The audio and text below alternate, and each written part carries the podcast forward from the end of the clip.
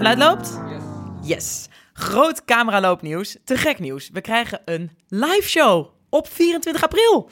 Dan gaan we een aflevering opnemen en daar kan jij bij zijn. Het wordt een te gekke avond met publiek, jullie dus. Met happen en drank, nou ook gewoon koffie en thee natuurlijk. Maar vooral ook de podcast. Het is voor jullie een kans om mijn producer Volkert Koehoorn eindelijk eens zijn magic te zien uitvoeren. En mijn vaste sidekick Benja Bruining is erbij. En dan de gast. Nou, deze gast was voor mij eigenlijk reden om de podcast überhaupt te beginnen. Hij is namelijk stuntman en stuntcoördinator Marco Maas.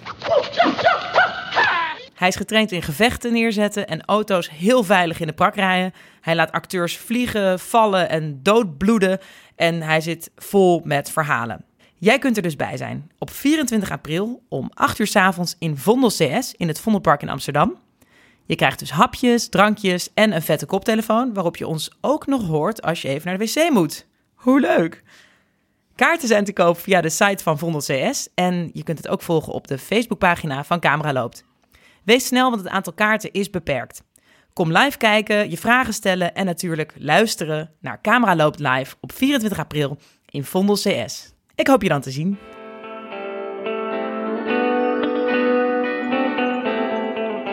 Door naar de nieuwe aflevering. Voordat we gaan luisteren naar de aflevering met de makers van de webserie Anne Plus, even heel mooi nieuws.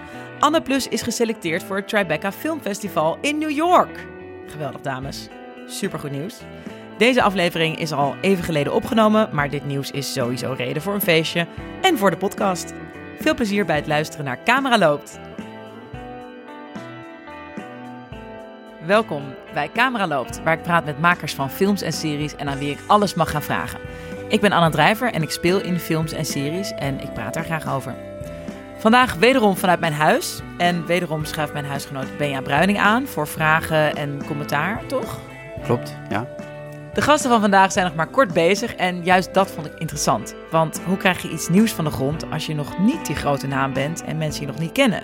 Hoe maak je mensen nieuwsgierig naar iets wat misschien pas over twee jaar uiteindelijk een hele toffe webserie gaat worden? En wat voor lesbische karakters zijn er eigenlijk in series en films? Ik zou het eigenlijk niet weten. Mijn gasten zijn de makers achter de succesvolle webserie Anne Plus. Welkom scenarist Maud Wiemeijer. Dankjewel. Hi. En regisseur Valérie Bicherou. Dankjewel. Anne Plus is een serie van zes afleveringen van 11 minuten over het leven van Anne, gespeeld door actrice Hanna van Vliet. Ze is net naar Amsterdam verhuisd en probeert haar leven en haar liefdesleven op orde te krijgen. Ehm, welkom jongens. Dankjewel. Dankjewel. Heel leuk dat jullie er zijn. Ja, vinden wij ook. Hoe gaat het met jullie?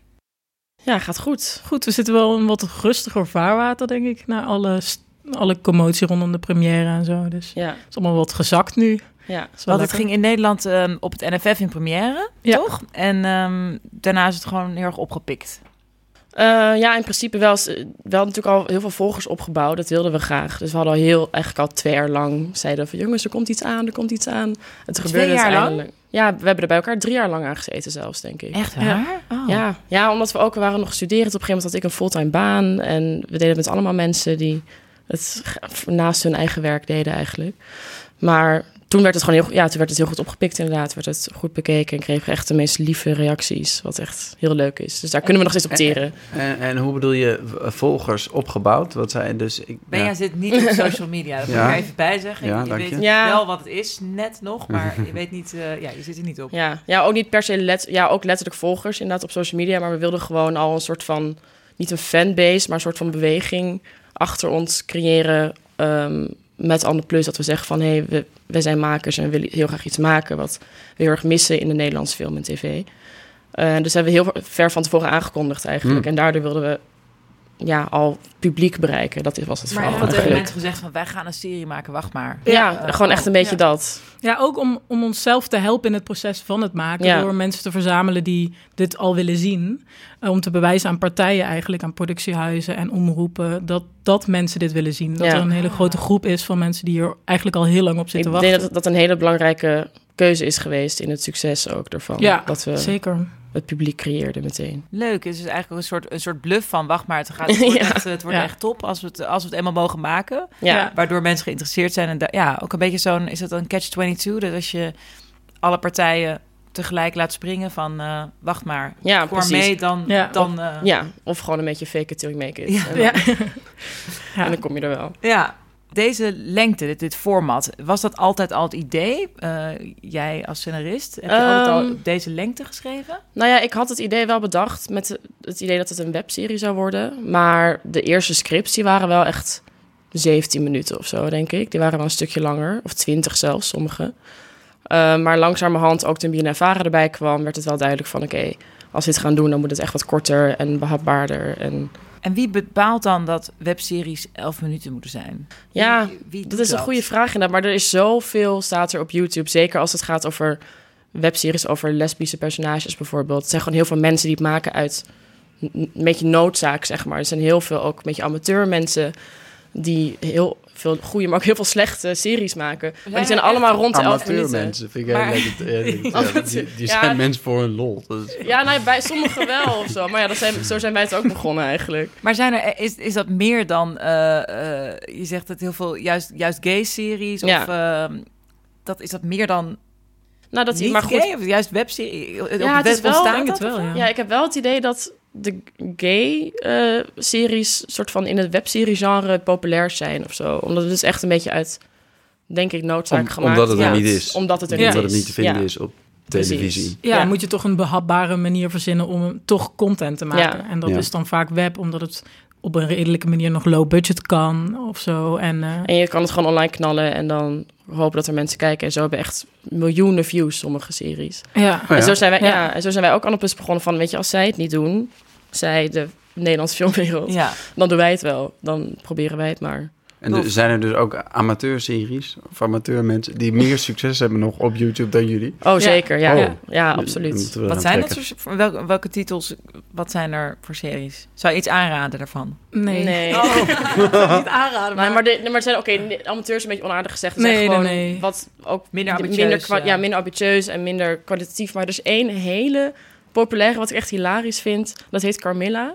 En dat gaat Ja. over lesbische vampieren, gaat dat. Ja. En dat is, wordt echt... Dat Oh, heeft, geweldig. dat Ja. heeft een soort van vier seizoenen, geloof ik. En dat wordt gesponsord door een tamponmerk. Want dat is natuurlijk super slim om bloed, vampieren, eh, weet ik veel, vrouwen. Ja, en dat, ja, Ja. precies. En dat wordt gewoon miljoenen keren bekeken. Oh. Daar is een hele... Die hebben een enorme fanbase, zij. Wat Is dit. Nederlands of is dit... Nee, dit is uh, internationaal. Canadees, geloof Oh. ik. Ja. Maar goed, dat is ook wel anders dan bij Anne Plus, omdat wij natuurlijk alleen in Nederland uit zijn, ook online nog steeds. Dus we weten ook helemaal nog niet hoe het het internationaal kan gaan doen, omdat... eh, Ah, dus Ja. eh, het staat ook eh, op YouTube heeft het ook een beperking. Geoblok, ja. Ah. ja, Geoblok heeft het gekregen. Ja, we hadden natuurlijk wel de ambitie om... We zijn ook heel erg, we hebben het heel erg Engels ingezet met ondertitelingen en zo. Maar toch wordt het, als je uiteindelijk echt de professionele partijen erbij betrekt... dan wordt het allemaal wat lastiger om... Ja, want je zegt ook al van eh, het, het kwam niet uit het reguliere circuit, zal maar even Ja. te zeggen.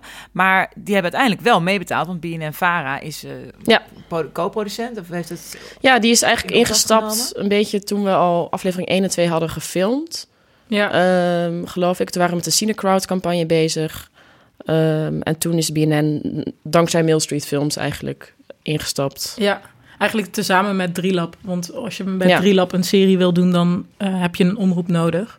Dus dan moest ik samen met de producent moesten we gaan shoppen, zeg maar, bij de omroep en kijken welke het best paste en wie er interesse had. En dat was toen BNN. Ja, Ja, Dat had ik van tevoren ook wel eh, ja. Op Daar in durven zetten. ja dat hadden maar. we ook wel. Maar we dachten misschien, er zijn ook andere omroepen die op zich op een andere manier ook wel weer gekund hadden. Of Ja. zo, de VPRO bijvoorbeeld. Maar ja. ja, BNN was eigenlijk uiteindelijk, uh, was het beste match. En gaan die eh, mensen die er dan bij komen, hebben die allemaal ook allemaal weer inspraak op het script? Gaan die dan nog eens een keer eh, met jullie zitten en ehm Ehm, de dramaturg om er aan te werken? Of waren de scripts al helemaal zoals ze...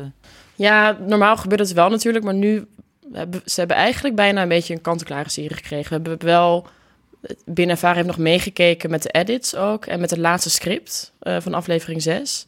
Maar we, waren zelf al gewoon heel ver, dus ze zijn wat later ingestapt. Dus ze hadden ook niet, en wij hebben ons daar ook wel hard voor gemaakt, dat we zeiden van, nou ja, dit is gewoon wat het is. Ja, en Heerlijk. tuurlijk, ja, heerlijk. Maar tuurlijk, eh, het is heel goed geweest dat de dramaturg van BNN erin zat. Want dat is zo goed om een andere soort van goede blik erbij te krijgen... waar je zelf niet aan had gedacht. Dus dat heeft zeker wel geholpen. Maar het is niet dat er hele cruciale dingen zijn veranderd door hen of zo. nee. Dat viel wel mee, gelukkig. En ehm, nou, Hanna van Vliet speelt de hoofdrol. Ehm, op wat voor manier is zij erbij betrokken? Want ik heb begrepen dat zij niet op een normale manier via een castingbureau, als alles al af is, erbij is gehaald, maar wel een stuk eerder. Kennen jullie haar al? Ja, klopt. Ik, ik had Hanna gezien in een try-out van de tweeling. Echt jaren geleden alweer. Dat is drie, vier jaar geleden. Jaren geleden. Jaren geleden. Lang, lang. Toen we 21 lange, waren. lange tijd. Ehm, en toen eh, had ik met haar gesproken en ik zat destijds nog op de filmacademie. En toen hadden we het daar gewoon over. En zij gaf aan dat ze het ook een keer tof vond om in een filmacademieproductie te spelen. Dus ik dacht, dat onthoud ik voor mijn afstuderen. Ehm, maar toen kwam dit project voorbij eigenlijk. En dat viel zo tezamen met Mout die net mij een idee stuurde voor Anne Plus. En wij daar, die daarover gingen praten. En toen dacht ik, hé, hey, Hanna. En Ja, ik Kunnen weet we niet nog een stap terug? Want eh, eh, hoe is het project tot stand gekomen? Jullie kennen elkaar? even- of, ja, precies. ja. Of eh, breek ik nu in op het format, Anna? Eh, nee, ik heb het echt ook al als, als vraag inderdaad, maar ik was gewoon al eh, over naar Hanna. Nee, ehm, ja, wie zijn inderdaad de mensen die jullie eh, geholpen hebben om het vanaf een idee ook echt eh Ja, dus het is zo gaan dat ik... ehm, het was in december 2015 heb ik het idee bedacht. En toen ben ik... Ik zat toen in Indonesië en ik heb zo vanuit Indonesië van... Val, ik heb een idee, het is wel leuk, denk ik. Want jullie kennen elkaar van de Wij kennen elkaar... Nee, ik heb geen filmacademie Oh, gedaan. Ik, heb, eh, ik heb theaterwetenschap gedaan, dus echt totaal wat anders. Eh, maar wij kennen elkaar een beetje ja, uit de gay scene, zo gezegd. En we hadden het wel eens eerder gehad over series die we tof vinden... en dat we best wel iets zouden willen maken. ja, En eigenlijk toen- heel erg over dat gebrek van LGBTQ-content in films en series. En vooral in Nederland. Ja, Dus we wilden al iets gaan doen. ja. Toen hebben we dat een beetje zo warm gehouden. En toen kwam jij met dat idee Ja. in december. Ja, dus toen ehm, zei ik van nou laten we afspreken. Toen hebben we dat gedaan. En toen hadden we dus over, gewoon heb ik dat format doorgesproken met Val, met Valerie. En toen zei ik van nou ja, wie zie jij eigenlijk voor je als, als Anne? En toen zeiden we eigenlijk allebei in koor Hanna van Vliet. Mhm.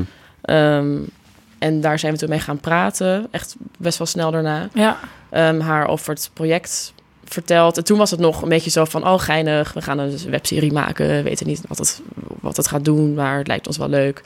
En voor haar was het natuurlijk heel leuk dat ze vanaf het begin als actrice betrokken was. Dus zij is echt vanaf het begin betrokken geweest bij de ontwikkeling ook. En eh, dat was voor haar ook wel leuk, denk ik. Ja. En toen heb jij ook veel mensen van de filmacademie om je heen verzameld. En ik nog iemand van de Design Academy die dan de titels ging ontwerpen of Mhm. de sites. Dus allemaal verschillende disciplines. Dus jullie hebben eigenlijk Ja. niet ho- hoeven wachten op, eh, op een producent? U zijn het al zelf gaan maken? Of heb je nog Ja, we hebben het zelf eigenlijk. Want Vader heeft ook eh, productie gestudeerd aan de Filmacademie. En dus jij hebt ook eigenlijk heel veel productie gedaan. We hebben allemaal Begin, een beetje ja. alles gedaan. Ja, ja. Ehm, maar ook iemand anders heeft gewoon een, een, weer een andere vriendin van ons. Die is eigenlijk begonnen met productie. Ja. Ja, eigenlijk hebben we heel lang in het begintraject gezocht naar... oké, we moeten het plan ontwikkelen. Dus inhoudelijk gezien alles ehm, bedenken... en ook een beetje de vorm en de stijl vinden van de serie. En parallel daaraan hebben we steeds meer mensen betrokken eigenlijk... en ondertussen ook gezocht naar een producent. Maar dat was in het begin nog heel moeilijk... omdat je niks hebt om te laten zien. Je bent alleen maar een paar jonge mensen die... met een verhaal. met een Ja. verhaal en een ambitie, maar ja, nog niet iets concreets. zeg maar. Iedereen Ja. die, die wil ja, wel en dan wat merk je maken. dus dat er Ja. een soort deur dicht gaat van ja, Ja. eh, bel ons maar als je iets, eh, Ja, en iets toch- meer hebt. Ja, en toch ga je dan natuurlijk vanzelf ook denken van... heeft het te maken met dat dit... dat de hoofdrol een lesbisch meisje is en dat het, weet je... Dat mensen denken dat het dan juist niet... eh, Of voor dat in- publiek dat het Ja. een is kleine of publiek zo, is. ja. Ja, dat, Ja. dat waren we wel een beetje bang voor dat mensen dat dachten. Maar Ja. dat viel uiteindelijk hartstikke mee. Maar we hebben in, eh, dat was in, in de zomer van 2017 een teaser van 50 seconden online Ja. gezet.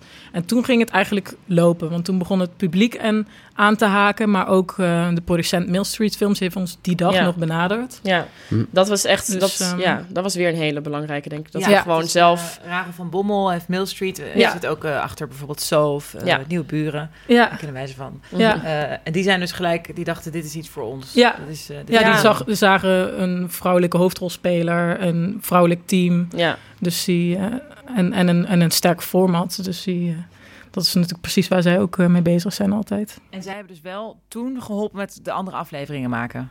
ja. Was, ja. Was er al iets Ja, van toen- draait dan? Nee, toen hadden we dus alleen die teaser eigenlijk. Dus het is echt, we hebben echt een soort van driejarig stappenplan... eh, zonder dat we dat van tevoren Ja. hadden bedacht, uitgezet. Dat we eerst die teaser hadden gefilmd... ehm, die een jaar later pas online gezet. En toen ook gewoon voor internationaal. Dus die heeft gewoon heel veel views gekregen. Toen kwam Mill Street erbij. Maar wij waren intussen gewoon al bezig met het proberen van de grond te krijgen van, die, van de pilot, zeg maar. Dus gewoon, heb je gewoon eerst natuurlijk altijd heel veel een beetje nog in concrete gesprekken. En dan ga je zelf maar even verder. En toen hebben we gewoon zelf van de crowdfunding en van het Amsterdam Fonds voor de Kunsten een klein bedrag gekregen. Waardoor we die pilot konden maken. En daarna is Mail Street echt. Um, zijn we echt een co-productie aangegaan met Mail Ja. Street. Ja.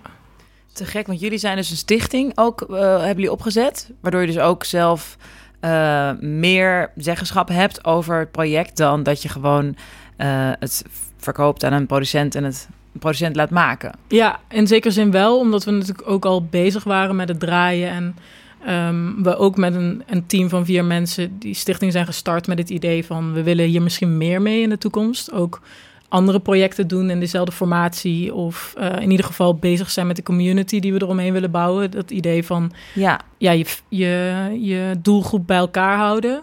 En misschien nieuwe content op het kanaal aanbieden in de toekomst. Of nou ja, dat soort mogelijkheden in ieder geval open houden samen. En we hadden ook een stichting nodig om eh, fondsen aan te vragen. ja.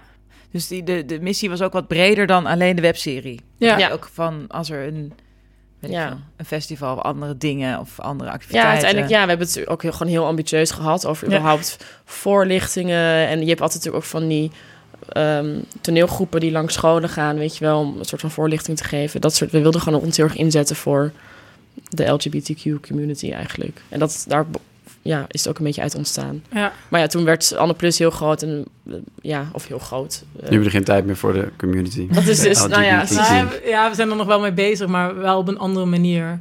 En het is wel fijn dat we die stichting nog steeds hebben om mogelijkheden te hebben voor nieuwe projecten. ja. Maar we merkten natuurlijk al gauw dat toen Mail Street Films erbij kwam, dingen toch een, nog vijf slagen of tien- 10.000 slagen professioneler konden zijn dan Mhm. wanneer je dat toch als jonge mensen met je Ja. be- bedrijfambities eh, gaat doen. Want ja, ehm, zulke partijen hebben gewoon veel meer ervaring en veel meer contacten en kennis. En, en- Ervaring. Om, eh, eh, Ja, hè, niet ja. meer, maar ervaring. Ja, Want die jullie- hebben dat gewoon. Ja, precies. Inderdaad. Ja.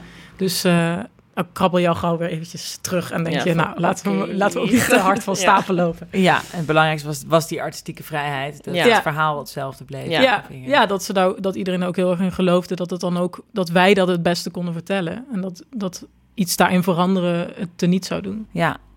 En heb jij tijdens het schrijven heb je veel ehm, veranderd nog? Eh, bijvoorbeeld door Hanna of eh, door feedback van jou? Of eh, hebben jullie dat samengeschreven of heb jij gewoon de Ehm, scenario's afgeleverd? Nee, ik heb, het, ik heb het wel gewoon zelf geschreven. Maar ik heb heel veel tussenversies naar Valerie gestuurd. En dan gingen we daarover praten. Sowieso voor elke aflevering gewoon kijken... oké, wat willen we vertellen in deze aflevering? Wat voor soort meisje gaat Anne eigenlijk nu daten?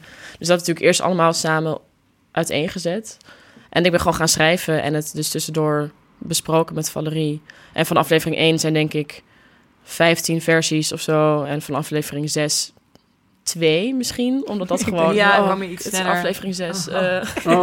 Oh, oh, ik dacht juist het, het, het, Ja, ik dacht het- ook, als een terechter. Het gaat Nou, nee, dus- dat ook, dat ook. Maar de aflevering minder 6... tijd om... eh, Ja, dat werd toch... Dat is de grootste fout die je als beginner maakt, denk ik... is dat je nog niet precies weet wat het einde gaat zijn van je serie. Mhm. Dat is gewoon zo belangrijk om te weten als je gaat schrijven.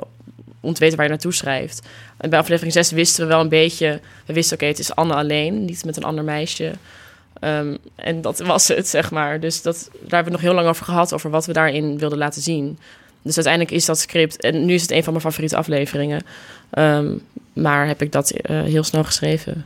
Zo kan het dus ja, ook. inderdaad. Want je hebt, ja, als theaterwetenschapper heb je geen scriptschrijf eh, achtergrond of je leert niet hè, dat, dat opbouwen. Heb je, hoe heb je dat aangepakt? Heb je nog wat boeken gelezen? Of, ja, eh, ik heb zeker boeken gelezen en ik heb wat masterclasses gevolgd. En bij het theaterwetenschap is wel fijn dat je heel kritisch leert. Je gaat heel veel naar theater en je leert heel kritisch kijken naar dingen. En je, je leert eigenlijk alles bevragen, zeg maar.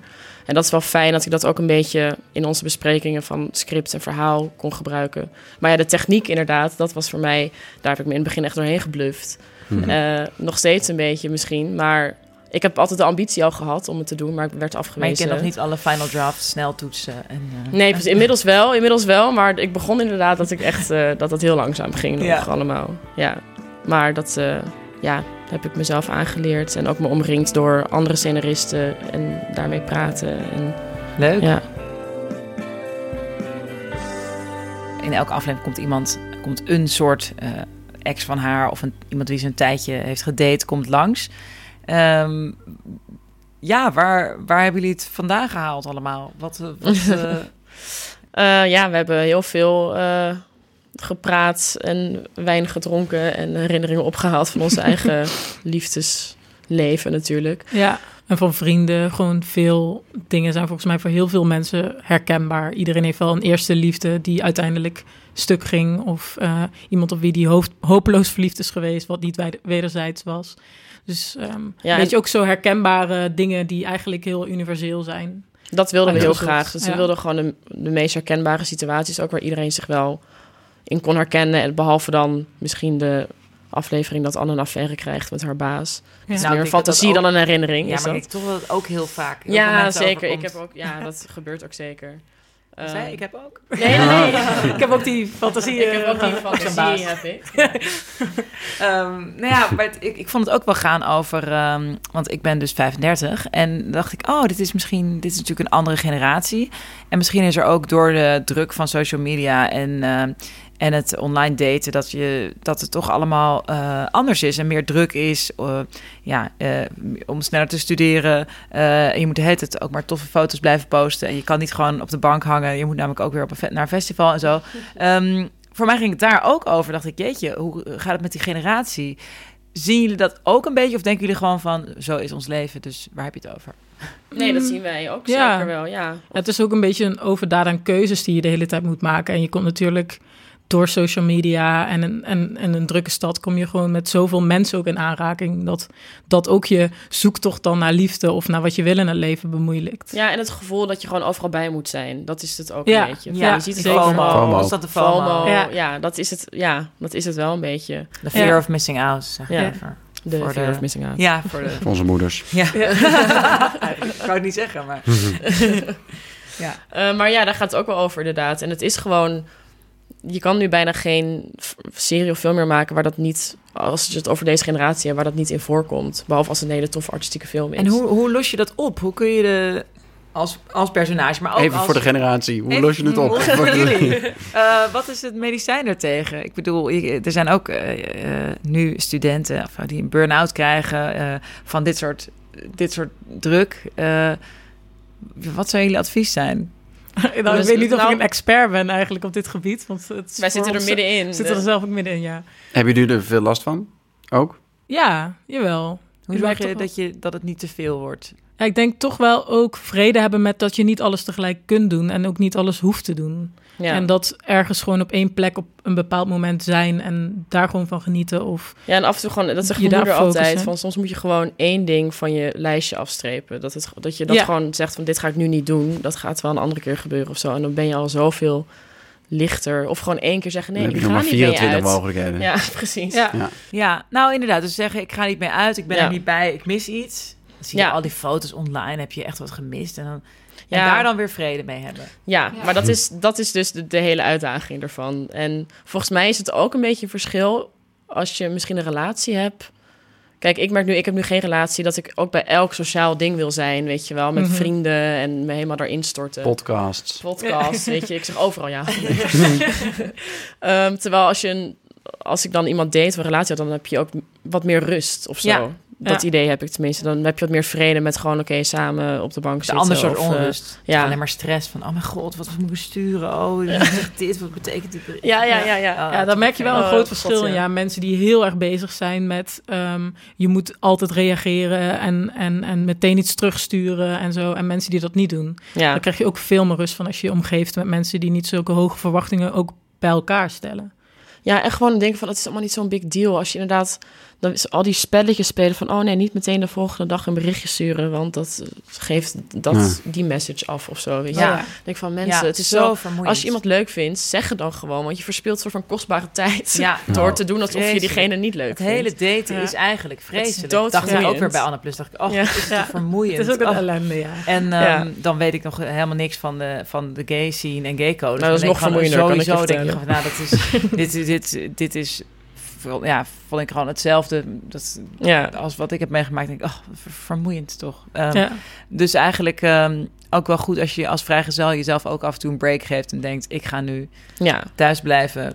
ja, en ik ga het gewoon even niks laten doen... wat anderen zeggen of doen. Of... ja. Maar goed, ja, dat is niet altijd even makkelijk. Hadden jullie moeite met eh, casten? Was het een, eh, zei iedereen meteen van, oh, tuurlijk, dat doe ik wel voor 0 euro. Oh, prima. Ja, ik ben erbij. Nee, ik weet niet wat jullie budget was, maar hoe, Nou, dat hoe ging het dat in zijn werk? Ja, daar begonnen we wel mee met 0 euro, ja.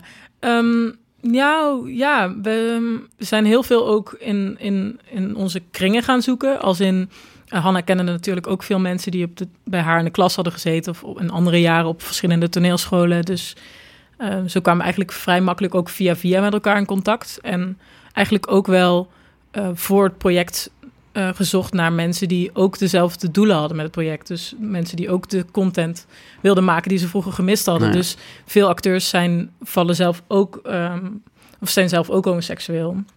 En dat hielp ook wel in het proces van mensen natuurlijk kunnen betrekken. Omdat ja, ze dat dan mensen dit- eh, het doen dezelfde wat ze belangrijk drijfveren. vinden. Ja. Ja, Maar het was dus, geen vereiste voor nee. de rollen. Nee, je? zeker Nee. niet. Want we hebben uiteindelijk, we zijn in het begin heel erg zelf daarmee begonnen met casten. Maar op den duur hebben we wel met een castingbureau gewerkt om Met wie heb je gewerkt? met uh, postkastelein Oh casting. ja. uiteindelijk omdat het toch fijn is om, zeker als je zelf jong bent als team, ehm, om er even een professionele partij tussen te hebben. Omdat je anders zo erg met vrienden Ja. aan het casten bent. Dat is gewoon niet lekker. Dus ehm, ja dan dat kijk je ook niet echt verder dan wat er, om je, wat er direct om je heen Ook zit dat, of zo. ook dat. Dus dat is wel fijn geweest Ja. uiteindelijk. Maar er zijn eigenlijk heel veel mensen die heel positief hebben gere- gereageerd op een aanvraag. En ik denk dat bij de ouders eigenlijk ook heel soepel ging. Ja, want volgens mij, wa- eh, De, tenminste, Jacqueline Blom hadden we ook gewoon echt in gedachten daarvoor. Want we hebben echt wel bij sommige mensen, daar wisten we gewoon, bijvoorbeeld Kirsten Mulder. Ik wilde heel graag dat zij die baas zou spelen. Ja, En dat leek me gewoon geweldig. Ik vind haar een hele goede actrice. Eh, dus dat was heel leuk. En dat Ja. is dan wel nog via... Dan hebben we wel aangegeven van we zouden heel graag haar willen. En dan gaat het nog wel via dat castingbureau. Maar ehm, sommige mensen die hebben gewoon inderdaad meteen dan gezegd... Ja, leuk, doen. ja. ja, eigenlijk bijna iedereen heeft meteen ja gezegd. ja. Misschien Dat alleen is misschien mensen ook die wel niet weer konden jullie, jullie eh, het voordeel van eh, jong en beginnend zijn. Dat eh, het ook, eh, ook iets nieuws is, ook weer de kans op iets. eh, het is ook leuk, vind ik zelf ook, eh, als mensen met een nieuw plan komen, mensen die ik nog niet ken. Het is natuurlijk ook Ja. wel weer in jullie voordeel dat je op die manier mensen kan binnenhalen. Ja, toch op je enthousiasme Ja. bereik je ook veel, ja. Merk je wel. ja, dat je niet meteen wordt afgeschreven op iets wat je al gemaakt hebt... wat iemand niet leuk vond. Ja, ja, Oh dat ja, Ja. dat. Ik denk, Ja, oh, nou ja, oh, dat ja. zijn die, oh, dat, Oh, ja, god, die stijl, dat daar hou ik niet ja. van. Dat is Ja. Dat bij seizoen Kijk, dat- 2 wordt het heel lastig. Ja, precies. Oh, oh, dat zijn die mensen Straks, van Anne eh, Plus. Die dat, hebben oh, dat, god, dat draak van een seizoen gemaakt. Maar dat merken we nu wel. Dat we nu sinds de release van Anne... tenminste als ik voor mezelf spreek... dat je nu dan... weten mensen opeens een beetje wie ik ben. Van, oh, maar dat, die heeft Anne Plus geschreven. En dan word je opeens gevraagd voor, weet je wat, tienerseries en jongere dingen. ja. En Ah. als de lesbienne of zo. En dat vind ik wel interessant dat het dan zo werkt. Inderdaad, dat als je eenmaal iets, iets hebt gemaakt wat mensen toch wel goed vonden, maar eerder niet hun vingers aan durfden te branden, Ja. weet je wel. ja. En dus mensen van, oh, supergoed. Maar dat vind ik alleen maar leuk. Dat is... En vinden jullie het nog- nog steeds, voelt het nog steeds comfortabel om het met die missie te doen? Of denk je op een gegeven moment, nou, het is ook gewoon een webserie. En, en het is niet al, alleen maar LB LHBTQ, alleen maar een gay character. Het is ook gewoon een, een, een, eh, een webserie. Ja. Of Ja. ze gaan- zijn nog steeds comfortabel daarin? Nee, maar dat is altijd de insteek geweest. Het hele ding van Anne Plus was dat het een, wel een serie over een lesbisch meisje was, maar dat het nooit ging over het feit dat ze lesbisch was. Want het is vaak zo met gay karakters, is dat hun verhaallijn is het feit dat ze gay zijn. ja. En dat, daar waren we een beetje klaar mee. Dus dat hebben we heel lang over gepraat, over hoe we Anne Plus soort van gingen marketen ook. Weet je wel, van noem het een lesbische webserie, een webserie over een lesbisch meisje. Heeft een webserie überhaupt een geaardheid? ja, Of- precies. Van hoe steken we dat in? Want wat, wat vind je van de, eh, wat er tot nu toe was aan, ehm, aan lesbische personages in, in films? Ik zit ook een beetje te graven nu in mijn eigen database van wat ken ik eigenlijk voor een Nederlandse films of series. Maar wat, waar, wat waren de voorgangers van Anne in series? Ik zit Nou, in Nederland is dat gewoon... In het buitenland is het wel wat meer, maar in Nederland... Je hebt natuurlijk Orange is the New Black en Ja. de L-word wel een soort van... Ja, je hebt nu op zich heel veel... dingen. Ja, en eh, Amerika doet het ook wel goed in gewoon andere populaire series. Ja, zeker. En Weet Netflix is natuurlijk echt een Netflix. koploper met representatie van ehm, groepen die normaal niet gerepresenteerd werden. ja. Dus ehm, Maar vooralsnog inderdaad, in Nederland is het gewoon heel weinig. Ik weet Ja. dat we een keer een reactie kregen toen dat ze zeiden van, oh, een lesbische webserie. En dat iemand zei, ja, maar de onzin, het is al helemaal, helemaal geëmancipeerd. 25 jaar geleden was er ook een GTST, eh, hoe heet het, die meiden? Ja. Dat is een lesbisch koppel. En er was toch ook, Ja, eh, eh, Mickey Hoogendijk speelde Ja, volgens mij. Laura heb je natuurlijk ook ja, dus nog ja, een keer een lijntje Zo gehad. lang geleden. Maar ja, 25 jaar geleden, dat is wat anders dan je een hebt zo- serie van twintigers van nu, Ja. zeg maar. Ja. Precies, en dat is het ook. Iets wat je bijvoorbeeld ook celblok H of zo. Maar je wil, we willen ook gewoon iets maken wat inderdaad voor de twintigers van nu herkenbaar was. Want ik zat ook op mijn vijftiende die L-word te kijken over carrièrevrouwen van 30 of 40 in Los Angeles. ja, die, En dan heb je gewoon totaal geen... Ja, Ja, precies. Maar het zou ook best grappig zijn als blijkt dat na, weet ik veel, twaalf seizoenen... dat eh, Angela Schijf in Flikken Maastricht eigenlijk eh, een vriendin eh, heeft. of ja, zo. Ik, ja. ja. dat Ja, maar zou dat soort toch dingen. ook, Hartstikke eh, leuk, ja. Ja. Dat Nou is ja, het zo. ook nog niet echt geweest, want dan zou het, het gaat nog steeds over haar politiewerk natuurlijk. ja. Maar ehm Wat echt outstanding is trouwens. uitstending politiewerk. ehm, maar dat het dan een zo'n soort personage hebben we ook nog niet echt gehad. Hè? Dat is Nee, te denken nee. hoor. Nee, Nee, het is niet echt weinig. echt. Ik bedoel, er zijn natuurlijk ook wel films en zo. Jack bestelde een broertje, heeft dan ook Oh, een ja. jongetje met twee Ja, moeders, met- wat ook hartstikke was, goed is. dat was wel tof, inderdaad. Ja, Van eh, Anne de Klerk, volgens mij, Ja. regisseur. Ja. ja. Dus dat soort, dat soort films zijn natuurlijk ook heel goed. Ehm, maar het mag nog wat meer gewoon in, in series, want het hoeft niet de plotlijn te bepalen. En dat, Nee, precies. En dat denken mensen denk ik vaak zo. Oh, dan moeten we een lesbisch pers- personage erin doen. En dan Ja. moet het daarover gaan misschien. Oh ja, of dan, dan, dan klopt het niet meer, want zo, Ja. waarom niet? Want iedereen kan natuurlijk Ja, gewoon... dus het lijkt me gewoon heel fijn inderdaad, als het in zulke series... of als het in, weet je, de volgende grote romantische ja comedy... dat een van die stellen dan lesbisch is of homo is of weet Ja. ik veel wat. Ja. Of zouden we al klaar zijn voordat de hoofdlijn gewoon Oh ja, wel twee vrouwen is? Ja, dat nou, ik ben er- je- am zou je dat willen schrijven? Zo'n soort... heel graag zou ik Ja, dat dat willen we willen wel graag maken, Ja. ja. Ja, ik zou- grote- Ja, Met de stichting. met Nou, de of stichting. Met, ja, of inmiddels waarschijnlijk ook wel met productiehuis. Ik denk dat dus de stichting nu een beetje op een laag beetje houden voor extra dingetjes, zeg maar. Maar het zal Maar- wel altijd een ingrediënt zijn. Het is niet zo Ja, dat jullie ja. gewoon hierna een politieserie met alle- vijf mannen... Nee, Vijf het is altijd, mannen ik denk dat Altijd sterke vrouwelijke hoofdrollen en Ja. altijd wel representatie van ehm, LHBTI's. Ja. En niet, niet dat het altijd in de hoofdrol, maar de- ja, in alles wat we zullen maken, zal, er, zal dat erin zitten. Ja, Ja. zeker. En ehm, nou, voor jou dus ook eerste grote regieklus eh, eigenlijk. Mhm. Ehm, hoe zenuwachtig was je t- of toen je echt mocht, echt op de set daadwerkelijk stond? Of kon je op dat moment ook gewoon lekker loslaten hoe lang jullie er al naartoe hadden geleefd en gewoon regisseren? Mm, nou, het was wel heel spannend in het begin. Daar kan ik wel eerlijk over zijn. Ik eh, herinner me echt dat ik die eerste draaiperiode gewoon bijna niet gegeten heb. En zo alleen maar in de focus was. En ook als mensen me iets vroegen, van ja, ja, ehm, en dan eh, en weer door. Maar op een gegeven moment merkte ik gewoon dat alles op zijn plek viel. En ehm, toen ging het, ging het heel soepel eigenlijk. Ehm, en je raakt steeds meer op elkaar ingespeeld, ook met de acteurs natuurlijk. Ik heb inmiddels nu zoveel dagen met Hanna gedraaid dat, dat je elkaar eh, soms niet eens meer iets hoeft te vertellen om te weten dat je, dat je het al hebt gevonden, zeg maar, wat je, Ja. wat je zoekt.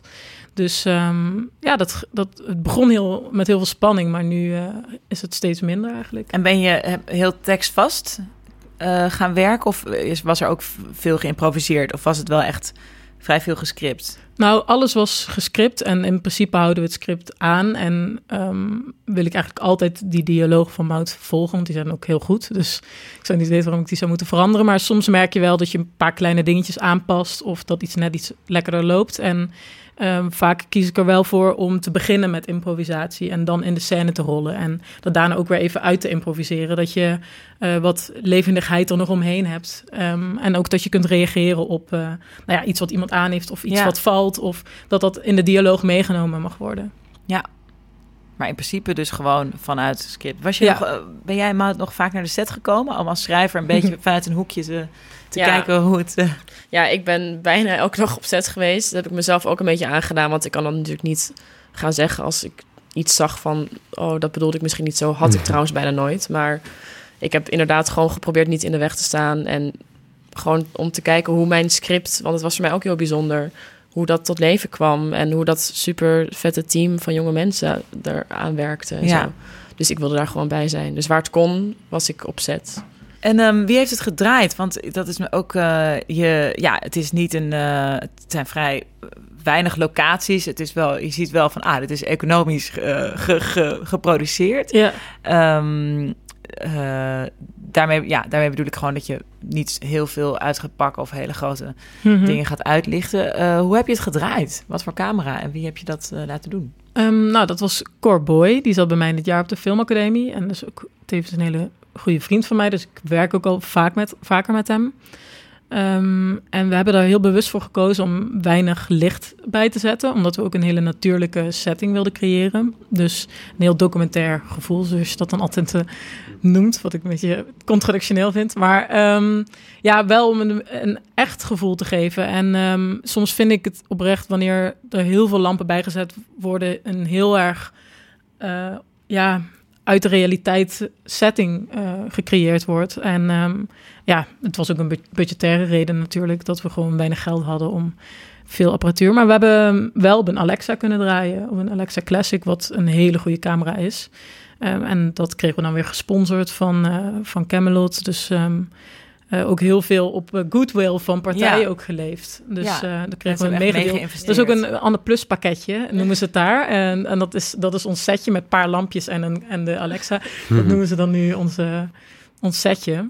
En daar hebben we alles op gedraaid. Ja, Maar inderdaad ook over die locaties, dat er in het script stonden dan soms wat meer locaties dan de bedoeling Ja. was. En dan werd dat gezegd en dan werd het omgeschreven op, weet je, was het eerst in een café en dan lopend over straat of zo. Ja. Ja, Dat is, op dat soort manieren kan je dan een beetje het budget inperken. Ja, ik Ja. vind dat ook altijd een, eh, een soort spanningsveld dat je als je aan het schrijven bent, te gewoon dat maar doet. Ja, Maar dat als een eh, opnameleider ernaar zou kijken en zeggen van ja, luister, dit betekent weer dat we eh, helemaal moeten verhuizen met alles. Ja, ergens precies. anders opbouwen. Ja. En alleen maar om nog een gesprekje daar te doen. eh, Ja. Dat kan gewoon op de gang hier. Ja. ja, Ja, precies. ja, En de ene keer dacht ik van, ja, je hebt helemaal gelijk, eh, doen we lekker ergens anders. En soms dacht ik wel van, ja, maar het is wel leuk als het in dit café is of in dit huis. Of... Maar ja, je kan je niet altijd aan houden, inderdaad. Ja. ja, en het ziet er inderdaad heel eh, echt en ja, best rauw uit. Ja, het inderdaad En ook- toch wel qua locatie. Ik, ik had er geen last van bij het kijken, zeg maar. Het is, niet, het is niet dat je denkt, oh, en we zijn weer hier. Oh, en we zijn weer hier. Dus dat vond ik wel goed gedaan. ja. Ja je, ja, je voelt het niet zo, maar het is meer als je erop let, denk je... hey, Precies. best, Als je het weet, dan denk je, oh ja. Ja, Ja, ja en we willen ook gewoon gedaan. graag de locaties uit ons leven, zeg maar, de cafés waar we heen gaan, de parken waar we in lopen, de straten waar we lopen. Dat wilden we gewoon heel graag in de serie hebben ook. Ja. Dus dat was wel leuk dat we het allemaal op goodwill gedaan, gewoon met een goed verhaal aankomen. Of je in de Smoesa mag filmen, of, of je in Lafiche mag filmen, of Ja, de exit. in de exit. Ja. op de reguliersdwarsstraat. Ja, Dat zijn de places to be. Ja. een paar, voor ja. de scene. Eh, wel Amsterdamse dingen natuurlijk, want Ja. eh, Ja, en zeker. Utrecht en Rotterdam en welke stad dan ook heeft misschien weer Ja. zijn eigen ja, zeker. plekken. Ja. ja, we hebben bewust voor Amsterdam gekozen, omdat dat ook voor anderen, maar ook voor ons een plek is waar je heel erg jezelf kunt zijn. En natuurlijk kan dat ook in andere steden hoor, maar Amsterdam stond in mijn jeugd altijd een beetje symbool daarvoor. En ehm, Misschien ook ten opzichte van een dorp of eh, Ja. een kleine stad, bedoel ja, je? ja. Ja, De plek van, oh ja, daar als ik dan, dan ben ik uit de kast. En dan kan ik daar, weet je, Amsterdam Ja, is de vleugels. En heb je dat ook zo ervaren toen je Ja. dan uiteindelijk kwam? Oh. Ja, wel echt. Dus dat past dan ook heel erg bij het personage Anne. Wat fijn, want ik hoor juist weer de laatste jaren zeggen eh, mensen ook weer van nou, hè, en ik, ik, ik durf niet hand in hand te lopen. Of het is helemaal niet zo meer vrij als we Dat het, denken. Eh, Vinden jullie dat ook? Of ik, dit stemt alweer positief wat jullie zeggen. Of heb je dat? Nou, het is, kijk, over het algemeen hebben wij een stuk minder te klagen dan andere landen of andere steden natuurlijk. Maar het gebeurt wel nog steeds. Kijk, eh, bijvoorbeeld nageroepen worden of dat soort dingen, dat is gewoon onlosmakelijk verbonden met openlijk gay zijn, ja. waar je ook bent. ja. Dus als ik een meisje zoen op straat, s'nachts, eh op een oh, plek dat zit ook waar in uh, veel... Anne Plus. Die zit ook, Mag ik meedoen? ja, nou dat is gewoon wat we heel vaak natuurlijk naar ons hoofd geslingerd krijgen. Ehm, en eh, ja, ik heb persoonlijk geen probleem met hand in hand, in hand lopen en zo. Maar er zijn wel mensen ja, die dat echt vervelend vinden. Ja. En het, soms word je meer dan nageroepen of word je in elkaar geslagen. Dat gebeurt ook gewoon nog steeds in Amsterdam. ja. Dus er Ja. kan nog steeds stappen Het heeft te zetten twee kanten, ja. ja zeker. Ja, zeker. Nou, hopelijk kan Anne Plus daaraan bijdragen. Ja. Ja. Nou ja, dat is wel de inzet geweest. Want ik denk echt van hoe meer je eh, iets gewoon ziet en hoe, eh, hoe meer je gewoon twee vrouwen ziet zoenen en dat wordt verder niet raar over gedaan, dat is gewoon normaal, dan raken mensen daar gewoon aan gewend en dan eh, slijt dat een beetje in het bestaan van mensen. Ja. En dan eh, wordt ook niet meer zo raar opgekeken Mhm. wanneer, je, eh, wanneer je twee vrouwen ziet zoenen. Ja, en dat het ook gewoon voor... Ik denk dat voor veel hetero mensen dat het ook een beetje een blinde vlek is. Ook als het om film maken gaat, zeg maar. Ja, dat, Dat je het gewoon niet realiseert. Ja, dat is inderdaad zo. Dat is misschien ook het eh, wat vaak ook in, eh, in literatuur wordt gezegd van eh, stick to what you know. Mhm. Dat je moet schrijven over wat je begrijpt en meegemaakt en wat je, wat je een beetje doorleeft. Denk ik ook, ja, ik, ehm, ik heb geloof ik geen. Oh. Nee, ik, jawel, jawel, ik heb één, eh, wel één lesbisch karakter geschreven trouwens in Weg van jou. Ehm, en Benja, jij hebt ook een, eh een, een homostel in je script geschreven. Maar het is eigenlijk niet iets waar wij, ja, waar ik... eh, te- het is niet mijn eerste ding waar ik iets over zou schrijven. Maar Ja. waarschijnlijk ook omdat, ik, ja, omdat het niet speelt in mijn leven. of geen thema voor mijzelf is. Dus dat ik daarom niet...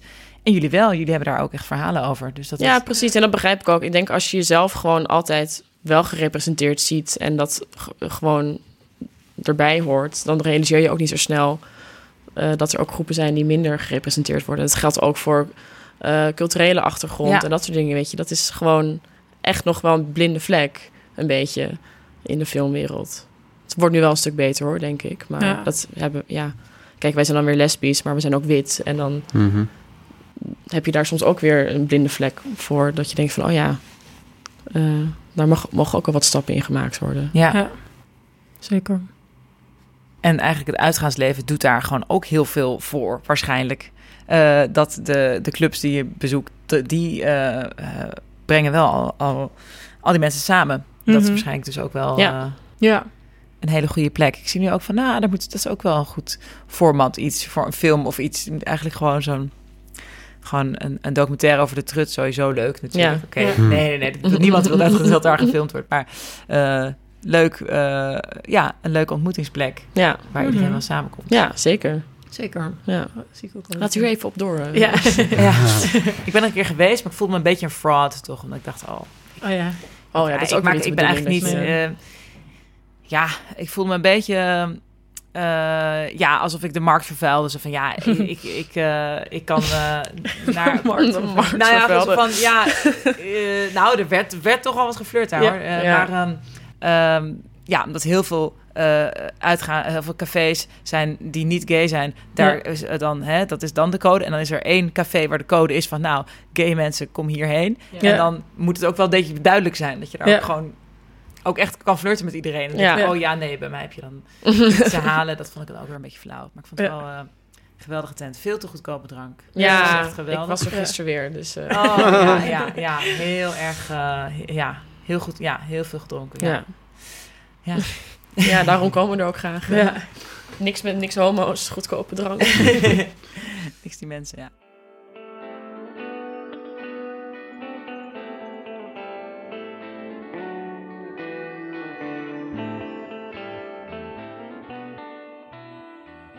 Zijn jullie alleen hiermee bezig? Of moet je ook, ik bedoel, eh, dingen daarnaast doen en andere baantjes nemen om gewoon te leven? Of zijn jullie nu volledig fulltime hier met eh Anne Plus bezig? Ik zit nu precies op zo'n kantelpunt eh, te denken van... oké, wat ga ik de komende maanden doen voordat we gaan draaien? Ehm, ja, op zich ehm, moet ik er ook wel videoclips of commercials eh, naast doen. Dat produceer je dan of regisseren? Regisseren. Ik ga nu ja. alleen nog maar regisseren. Dat bevalt me veel te goed. Dus, ehm, eh, ja, dus dat soort kortere projecten erbij doen eigenlijk. Ja, ik heb echt eh, net ontslag genomen bij mijn bijbaantje bij de stad Schouwburg. Heb ik heel lang gewerkt. Ehm, omdat ik nu wel genoeg kan verdienen Ja. met schrijven Nou, eigenlijk. gefeliciteerd. Dat Ja. is leuk. Dan Ja, heb je heel fijn. een nieuwe baan. Ja. Dat vergeet je dan, want het is geen moment. Maar Ja, je want hebt je ook voelt alweer je toch- echt een nieuwe baan Ja. als scenarist. Ja, want je voelt je toch nog een beetje, als je ook zo'n bijbaan hebt, en dan zeker in de stad Schouwburg, waar ook gewoon acteurs en Mhm. weet ik van wie komen, dan voel je gewoon een beetje, weet je, ook dan moest ik op een boekenbal werken of zo, en dan had ik daarna, kwam ik ook wat schrijvers tegen die ik gewoon ken, en dan voel je zo, stond ik gisteren je glazen te wassen, Ja. en dan moet ik nu een soort van Iets te dicht professioneel gaan doen. of zo. op, op geen ja, dus dat manier. voelt ja. soms toch een beetje gek of zo. Dus ik ben heel blij dat dat, eh, dat dat nu achter me ligt, en dat ik nu gewoon met verschillende projecten geld kan verdienen. Ja. Ja. Dus ook schrijven voor andere eh, Ja. series of dingen. Ja, ik ben Mensen ook, kunnen jou boeken. mensen kunnen mij boeken, zeker. Ja, mij Ja. ook. Oké, heel goed. Heel goed. 06, Eh, 23. ja. Ehm, nou, jullie hebben een super site, dus jullie zijn heel goed te benaderen. Maar kan het ook gewoon, denk jij ook aan een aflevering van een serie regisseren? Ja, Gewoon zeker. los van alles? Ja, zeker. En ehm, losse afleveringen van series of korte film of ehm televisieaflevering van iets. Of ehm, ondertussen zijn we ook bezig met andere projecten bedenken en uitwerken met productiehuizen. Ja. Dus ehm, ook bijvoorbeeld een nieuwe one night stand nog ontwikkelen en kijken of, Oh ja. of we daarvoor ge- worden geselecteerd. Ja. Dus, eh, zo Wat vond je het moeilijkst bij het regisseren? Wat, wa- wat waren de scènes dat je dacht, oei, dit, dat je, waar je het langst over hebt gedaan met je Mm. acteurs? Ik Of vind niet zozeer scènes, maar misschien eh, zit het meer in kleurcorrectie. Of, dat, hè? Ik Oh, ja, bedoel, ja, ja. Wat, wat voor, of niet? Of nee, Nee, ik doe, sorry, eigenlijk eerste scènes. Nee, pas. Stop. Dankjewel. Dankjewel, Benja. Nee, ik bedoelde echt wat ik zei dit keer. Ja. Ehm, nou, ik vind denk ik de moeilijkste scène is altijd wanneer je in een ruimte van alles moet doen. Dus een hele choreografie moet creëren samen. En dat moet qua timing dan kloppen. En dan zit je in je hoofd te denken, oh, hoe komt dat dan uit in de edit? En snijdt dat dan lekker en zo? Ehm, dat, dat is meestal, dan zit je even te zoeken en dan merk je soms ook bij acteurs... eigenlijk scènes met weinig dialoog, die dus heel erg op, op die choreografie leunen. Die zijn, vind ik eigenlijk te ingewikkeld, want is acteurs soms ook van... oh ja, oh ja, dan moeten we het zo, maar wat bedoel, bedoelen we dan eigenlijk? Nou ja, dus dat is heel veel zoeken. Ehm, maar uiteindelijk vindt zich dat dan natuurlijk wel. Ehm, ja, dat, eigenlijk die scènes zijn wel het lastigst.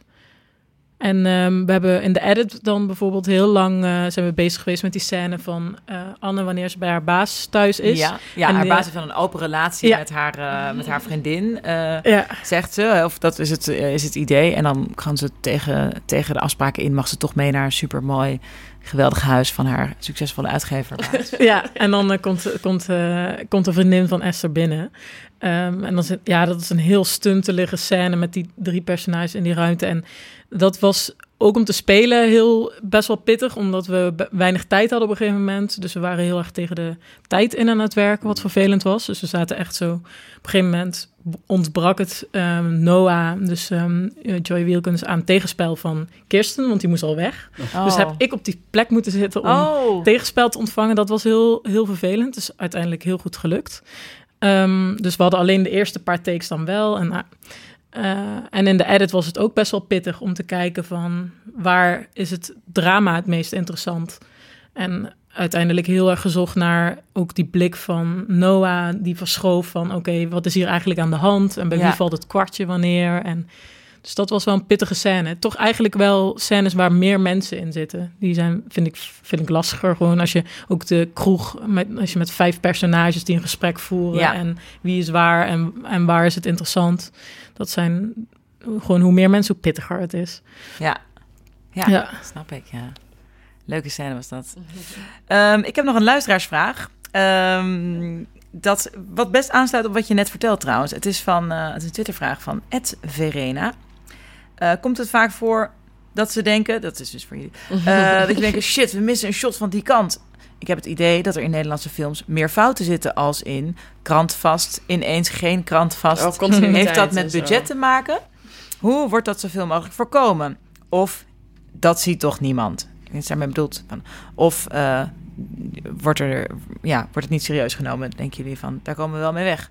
Eh, ja, continuïteit blijft mensen fa- fascineren. hè? Het is altijd, zeker, eh, zeker. eh, ik denk ook dat het Lekker fouten spotten. lekker fouten spotten Ja. is altijd bevredigend, geloof ik, om eh, te zien van, nee, zeker. klopt niet. Ehm, maar het eerste deel van de vraag is van, ja, wat je net zei, van, heb je wel eens dat je in de montage denkt, " Ie, ik mis een, eh, een, een shot of een kant of een... eh, Mm, ja, maar wat wel het fijn is, is dat uiteindelijk als je iets in het spel hebt, dan kun je in ieder geval het verhaal vertellen. En als je een shot vanuit een andere hoek liever had gehad, of toch iets meer dat, dan had het iets versterkt. Maar ik vind het wel het fijn om te merken dat wanneer je in ieder geval met de acteurs gewoon het spel lekker hebt neergezet, dat je in ieder geval het verhaal gewoon kunt vertellen.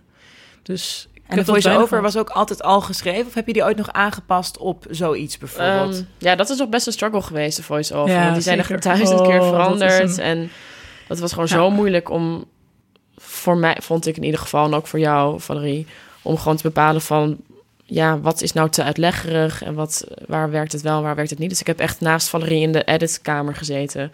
voice-overs geschreven, terwijl we de- de beelden aan het bekijken waren van... nee, Mhm. dit valt net wat beter zo of dit valt net wat beter zo. ja, dat kan Ja. ik me voorstellen dat het moeilijk is om van tevoren... Ja, eh, er zijn echt bijna alles is later pas. Er zijn maar een paar die echt, want er waren altijd wel al voice-overs in het script geschreven, maar er zijn een paar, maar die echt hetzelfde zijn gebleven.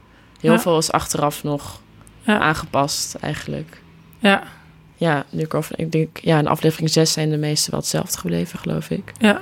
ja. Als je eenmaal de toon gevonden hebt, dan gaat het natuurlijk veel makkelijker. Maar we moesten ook dat nog ontdekken eigenlijk in, eh, in de postproductiefase. Dus Ja, dat is een beetje onorthodox, maar ja, dat wel, werkte wel het best. Want dan ben je toch nog steeds op het eind ook bezig met... oké, maar wat is gewoon het interessantst? Ja. En eh, ja. Ja, ja, niet niet zomaar, maar orthodox. hoor. plant Volgens mij is het vaak zo met, met voice-over dat dat echt eh, nog een zoet proces is na afloop. En dan. eh, Ja, je moet het Ja. gewoon echt zien op Ja. beeld ook, Ja. zeg maar, wat, ja, wat werkt. En wat Ja. soms, weet je, dan hadden, had ik soms, ik lees ook terug wat ik soms had geschreven, dat ik dacht van, oh meid, waar, haal je, waar kom je erop? Ik zit nu te denken ook, ik heb ook wel eens inderdaad echt nog een hele voice-over ingesproken. En dat dat uiteindelijk alleen de eerste en de laatste scène ervan over was. Of zo. Oh, ja, Oh ja. ja. Het is ja, ja, voor de ik herken het ook in, in de cover hebben we ook eh, in aflevering 1 opeens een voice-over van een personage.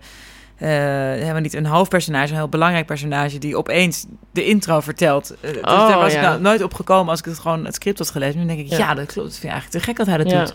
Mhm. Ehm, dus dat kan ook een soort, dat is iets wat een half jaar, half jaar later nog dachten. Ik moet die acteur even naar de studio komen. Volgens Ja. mij is dit het. Probeer het eens zo, probeer het eens zo. Ja. Dus- Ja, en het is ook gewoon een hele fijne manier om eh, als een soort oplossing in te zetten voor tijd. Weet je wel, als er wat tijd moet eh, voorbij gaan. Of als je iets kan vertellen wat je niet ziet in beeld, maar wel in de voice-over. Zo is het ook een beetje handig Ja. af en toe Ja. of zo. Ja. En het is gewoon leuk om in de, om in de gedachten van Anne... En die dramatische te ironie dat je haar iets anders ziet doen dan wat ze denkt. Ja. Dat is Ja. natuurlijk ook al... Ja, Ja. precies. Ja. ja, of dat ze bevestigend werkt. Dat, werkt, dat is soms ook heel leuk. Van ja, ik had het op zich ook wel eh, Oh ja. kunnen zien, maar ja, ik, weet, was ik gewoon weet al wat je denkt. Weet Ja. je wel, die soort Ja. Dat, zei ze erg vaak. Ze van, ja, ik had misschien... Maar ja, ik ben gewoon Ja. verliefd. dus wel eh, gelijk... Ja, Ja, we wilden haar ook niet- toerekeningsvatbaar als eh, Ja, iemand Ja. leuk vindt. we Ja. wilden haar niet een Ja, soort van ja. wijze, alwetende voice-over geven, weet je wel. Die dan terugkijkt en nu opeens heel wijs is. En we wilden er gewoon ook in de voice-over een beetje laten struikelen, zeg maar. En nog steeds, ja. Ja. Oké, ehm, wat kijk jij nu? Wat zijn jullie kijktips of wat ben je aan het kijken dat je absoluut zou aanraden of niet zou aanraden? Ehm, ja, misschien eerst Benja, wat heb jij gezien? Heb jij een kijktip voor ons? Ehm, ik, heb, ik heb niks recents gezien. Ik heb gisteren The Untouchables gekeken. En eh, wanneer was het? Heb ik Back to the Future gekeken. Ik ben aan, met een inhaalslag begonnen. Eventjes, maar ja, ik heb heel veel dingen niet gezien. Ik ga begin, binnenkort de The Godfather kijken. Het schijnt ook eigenlijk best wel goed te zijn. Het is alsof Ehm, uit een ijs gekropen en nu... eh Ja. Nu de denkt film van, ah. Maar eh The Ja. Untouchables, Kevin Costner, vertel eens Ja, over... kinderwagen van de trap. Ehm, ja, ja, Heb je die vond... gezien, deze film?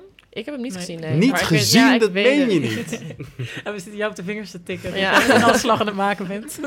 Ehm, ja, nee, ja. ik ben, eh, eh, Brian De Palma. Ehm, ik vond het eh, interessant, interessant om te kijken. Ja, het is ook wel een, ik heb eigenlijk niet gekeken van wanneer die is. Maar het- je, je merkt echt dat het een oude film is. Dingen gaan echt, echt tegenwoordig anders. Grappig is dat om te, om te merken. Maar het is, het is wel je een echt... verhaal opbouwen of letterlijk dat we nu smartphones hebben? Ehm, eh, nee, in verhaalopbouw, ja, het is echt... De, je- dingen worden eigenlijk veel minder eh, opgelepeld, zeg maar, uitgelegd. Het blijft veel, veel... eh, de- hoe zeg je dat? Ik dacht eigenlijk van, oh ja, dit is, dit is echt een, een, een sterke plot-driven film... en dat werkt zo en dan ga je helemaal begrijpen... het gaat hier en daar naartoe. Maar dat, dat was eigenlijk veel minder dan ik had verwacht. En volgens mij zijn zijn films, zijn moderne films, zijn toch. eh, het is alsof we steeds beter begrijpen hoe dingen werken. En dat, dat toch de meeste films meer in een mal worden gegoten, waardoor we, waardoor ook, ook, waardoor we allemaal kunnen begrijpen waar we naar kijken. Ehm, maar misschien valt het wel mee en zijn de meesterwerken vallen daar toch altijd weer een beetje buiten. En is dit nou een meesterwerk? En was het vroeger eigenlijk op dezelfde manier dat de meeste films voor iedereen begrijpelijk En waren? volgens een bepaalde stramien of Ja. eh, Ja. structuur Ja. gingen. Maar, ehm, nou Maar ja, waar gaat het over? het gaat over de drooglegging. En over een, eh, een zeer rechtschapen ehm, agent die daar, eh, die daar iets aan gaat proberen te doen. En El Capone gaat proberen te pakken. En ehm, krijgt hij natuurlijk hulp bij van, eh, van een paar uh, types. Maar dat, dat vond ik ook de introductie van die karakters. was bijvoorbeeld ook zo vreemd. Sean Connery en een of andere Italiaan. ik, ik, ik, ik merk, ik ben een beetje aan het stotteren... omdat ik denk, ja, hoe zat het nou allemaal? Ik heb het gisteravond gekeken en ik, ik ben het alweer kwijt, bij wijze van spreken. Wat ik nog weet is dat het openingsshot volgens mij... Ik heb deze film, nou, 20 jaar geleden gezien, denk ik. Netjes, Ehm, netjes. eh, het is dat El Capone zich laat scheren in een, Ja, eh, ja. in een eh, in een salon. En dus een topshot van zo'n eh, ja, zo'n stoel. En dat hij dan eh, met zo'n witte, lekker dat scheerschuim. En dat je dus dat mes bij de keel, maar dat het al heel erg zo... Dat je al dat gevaar al voelt. Gewoon Oh, dat zo'n lekker mes eh, over die slagader schraapt. Eh, dat ik dat al gelijk een heel mooi shot vond. Dus Ja, dat is wel dat echt is echt Brian prachtig, Palma ja. natuurlijk. Dat hij daar... En die, kan die, maken. die barbier die snijdt hem dan ook. En dan denk je... "Ugh." Maar hij zegt, it's fine. En hij vertelt gewoon lekker door. Hij is, maar wij weten, dit is El Capone. En hij legt je gewoon om. hij is Nee, 90% jullie weten van de tijd is was, hij... Ja, ja, ja, ja, ja, Nee, ik weet niet waar ik moet. Ehm, ja. 90% van de tijd is hij eigenlijk een hartstikke goed lachse... Beetje een soort, soort Holleder moest ik een beetje aan denken. Dat hij gewoon heel goed de pers bespeelt en zo. En dan eh, eh, ergens in de scène slaat hij opeens iemand met een honkbalknuppel... aan een dinertafel helemaal tot moes. Eh, dus een beetje... Het gaat, eh, het gaat vrij eh, snel, slaat hij om. Eh, maar Kevin Costner, die, eh, die weet hem uiteindelijk toch... toch eh, in de gevangenis te krijgen. Spoiler... Maar er is één waanzinnige scène waarbij het dan... Het verhaal is natuurlijk zo opgebouwd dat op een gegeven moment is het... Nu komt het erop aan, kunnen we die en die man pakken hier? En dat is in een, eh, op een station en dan moeten ze wachten tot hij verschijnt ergens. En dan zie je iedereen die daar binnenkomt is... Oh, is die het? Of hoe zit het? En dan gaat er intussen gaat een vrouw... Hannessen met een kinderwagen een trap en twee koffers een trap opsjouwen. En terwijl ze daarmee bezig is, is er een soort enorme shoot-out. En dat is allemaal in slow motion gefilmd. En dat is echt waanzinnige scène. Oh, Ja, heerlijk, ja. dat is echt zweethandjes, samengeknepen billen, Ja. alles. Ja. Oké, dus The Untouchables, het staat op Netflix, geloof ik. Er staat op Netflix wel een tip hoor, moet ik Een zeggen, tip. voor de mensen. Als je het nog niet gezien hebt, of als je 20 jaar geleden gezien hebt, eh, of vijf jaar geleden, kun je het gewoon weer kijken. The Untouchables, Brian De Palma. Eh, of Back to the Future. Kan ook. Daar kom ik zo op. Nou. Eh Mout, heb, jij- heb jij kijktips voor ons? Wat ben jij aan het kijken? Ja, ja, ik zat even te denken, want ik kijk altijd van alles door elkaar en tegelijk. Ja. Wat ik precies ga vertellen. Eh, maar ik denk dat ik Killing Eve wil zeggen. Dat is een, eh, ja, een serie die geloof ik nu ook op NPO Start of zo komt. Ja, dat klopt, ja. Volgens Ja. mij is Amazon Prime. eh, ja, ik met geloof Sandra het wel. Met Sandra serie. Oh in de hoofdrol. Ehm, en zij speelt een soort... Ja, zij, zij werkt bij MI5 in Engeland, dus bij de geheime dienst, maar heeft een hele saaie kantoorbaan daar eigenlijk. Maar heeft veel meer ambitie om een soort van spion te worden. Ehm, en dan op een gegeven moment Ook komt een er... prima ambitie. Ja, precies. Hebben die allemaal niet mee. Eh, en op een gegeven moment komt er een zaak voorbij dat er een moord is gepleegd. En zij heeft daar natuurlijk opeens een soort van scherp oog bij. Ehm, en dat blijkt een hele jonge vrouw te zijn die een soort van twisted seriemoordenaar is. En die twee, dus Sandra Oh en, en die vrouw, die raken helemaal obsessief met elkaar. Ja, Want er mooie al- jonge actrice, Jane? Ja, Jane- prachtig Ja. is zij. En heel ja, eh, goed en leuk. Eh, maar zij raken helemaal obsessief met elkaar. Dus, weet je, dus de agent omdat zij haar gewoon wil pakken. En die seriemoordenaar omdat ze gewoon heel goed gaat op die aandacht van die agent, zeg maar. Ze wil gepakt worden en dan net weer wegrennen. Mhm. Maar ik vind het heel goed. Het speelt heel erg een beetje met genres. Het is thrillerachtig, maar het is ook super grappig af en toe. En heel donker dan weer af en toe. En het is heel internationaal. Soms is het in Toscane en dan is het weer in Istanbul. En dan... Dus dat vind ik er ook wel heel tof aan. Heerlijk, ik, een soort eh, James Bond meets Dexter. Ja, het is, oh, het is maar echt dan met Jodie Comer. Ik moest even op, opzoeken. Oh, ja. Jodie Comer is die eh, Ja. eh, jonge killer, zeg maar. Ja, precies. Ja. meisje. Ja, die ook nog eens biseksueel is. Dat vond ik ook wel weer een leuke, Oh, leuke nou, bijkomstigheid. toch weer... eh, ja, toch weer een beetje representatie. Ehm, maar het, ja, het zijn maar acht afleveringen. Het kijkt heel lekker weg. En het is, de titel is mooi. eh, de beelden zijn mooi. Ik vind er alles gewoon eigenlijk heel fijn aan. Te gek. Eh, dus ik zou dat zeker aanraden. Ja. En het is tof dat het gewoon een hoofdrol is voor een vrouw van boven de 40. Aziatische vrouw. Dat vind ik ook wel tof. ja, dat dat... precies. Want dat is super mij ook... succesvol is ehm, en, eh, ze heeft vorig jaar een, eh, een award gewonnen. Het was ook voor het eerst dat, eh, ja, dat zij als een Aziatische... Ja. Ze is Koreaans volgens mij. Ja. actrice met, met die achtergrond dat wint. Dus dat is ook wel te gek. Heel veel mensen kennen haar uit Grey's Anatomy. Ja, Dat daar ken ik haar ook haar- van. haar Daar, grote zij, dat, rol. zij was de enige leuke aan Grey's Anatomy. toen zij wegging, toen, ben ik ook weggegaan, Ja. denk ik een beetje. Ja, hoofdpersoon was altijd erg saai, vond ik. Ja, toch? Een beetje saai. En ik bleef nog wel kijken voor Kelly in Arizona natuurlijk. Dat was dan zo'n lesbisch dokterkoppel. Maar op een gegeven moment ben je er ook wel klaar mee. Maar dat is ook al 15 seizoenen of zo, hè, Ja, Anatomy. ongelooflijk. Eh, Valerie, heb jij iets gezien wat we moeten kijken? Ik, of ik iets gezien heb. Nou, ik ben ook weer heel veel door elkaar aan het kijken. Dat doe ik ook altijd. Ik ben net begonnen in Maniac, wat, waar ik echt pas twee afleveringen van heb gezien. Maar dat is zo fascinerend. Hoe is dat? Ik hoor daar, ik krijg het van alle kanten te horen dat het tof is. Ja, ik zit nu nog net op het punt dat ik het nog, nog net nog niet snap. Maar dat hoort, het schijnt echt te horen bij deze serie, dat je daar even doorheen moet. Maar het is super mooi gemaakt. Het is een hele um, een beetje absurde wereld waar, het hoofdperson, waar de hoofdpersonages in leven. Ik kan ook nog niet heel diep op ingaan, want ik ben er nu net doorheen te Ja. kijken. Maar echt begin eraan en stop niet na twee afleveringen. Oké. Want ik ben nu aan het doorkijken en begin nu... Maniac staat ook op Netflix volgens mij. ja, ja. Ehm, dus dat is, dat is in ieder geval een tip. En verder, ik, ben, ja, ik heb ook Dark bijvoorbeeld. Dat is een serie die op Netflix staat, die volgens mij een beetje onderbelicht is. Want ik hoor niet veel mensen erover. Het is een Duitse serie. En het gaat over. ehm, ehm, ja, ik moet niet te veel verklappen, maar het gaat in ieder geval over ehm, tijden die, waar personages doorheen Ja, ja, Gaan. ik ben daar begonnen. Het was inderdaad het. eh, Duitsland liep een beetje achter. Ze hebben een enorme seriecultuur, enorm publiek, Ja. maar vooral crimies en vooral tv. Ja, En ze hebben eigenlijk in de Netflix eh, kwaliteitsseries een beetje duurde het een beetje lang. En Dark is eigenlijk de eerste. volgens mij is het zelfs een Netflix original. ja, Eh, het begint gelijk al met een soort zelfmoord, dus eh schrik daar niet van. ja. Eh, eh, ik geloof scène 1, dus het is niet zo'n spoiler. Maar ehm, eh, heel mooi gefilmd. Het was Ja. echt wel prachtig. Maar maar inderdaad... jij bent niet doorgekeken. Nee, nog niet. Nee, het was erg eh, duister. Nee. Ja, Ik, ga het, ik ga het kijken, denk ik. Maar ehm, ja ik vond het wel een beetje heftig. te... Ik, had, ja, Ja, ik vond het wel erg heftig. ja. Beginnen. Maar in het ca- categorie luchtiger zou ik dan nog denken... ehm, nou, dat is trouwens moeilijk, want ik ken niet veel. Maar ik heb net Atypical Ja, bijvoorbeeld helemaal ja. uitgekeken. Dat Ja. is Ja. ook heel fijn. Dat is een heel een hele fijne serie. Ja, dat. het is wel super Amerikaans. Ook in, in het spel, ja, ik kan daar dan niet goed tegen, dus daar moet ik ook doorheen. Maar op een gegeven moment ben je daar doorheen. En Waar dan, gaat het over?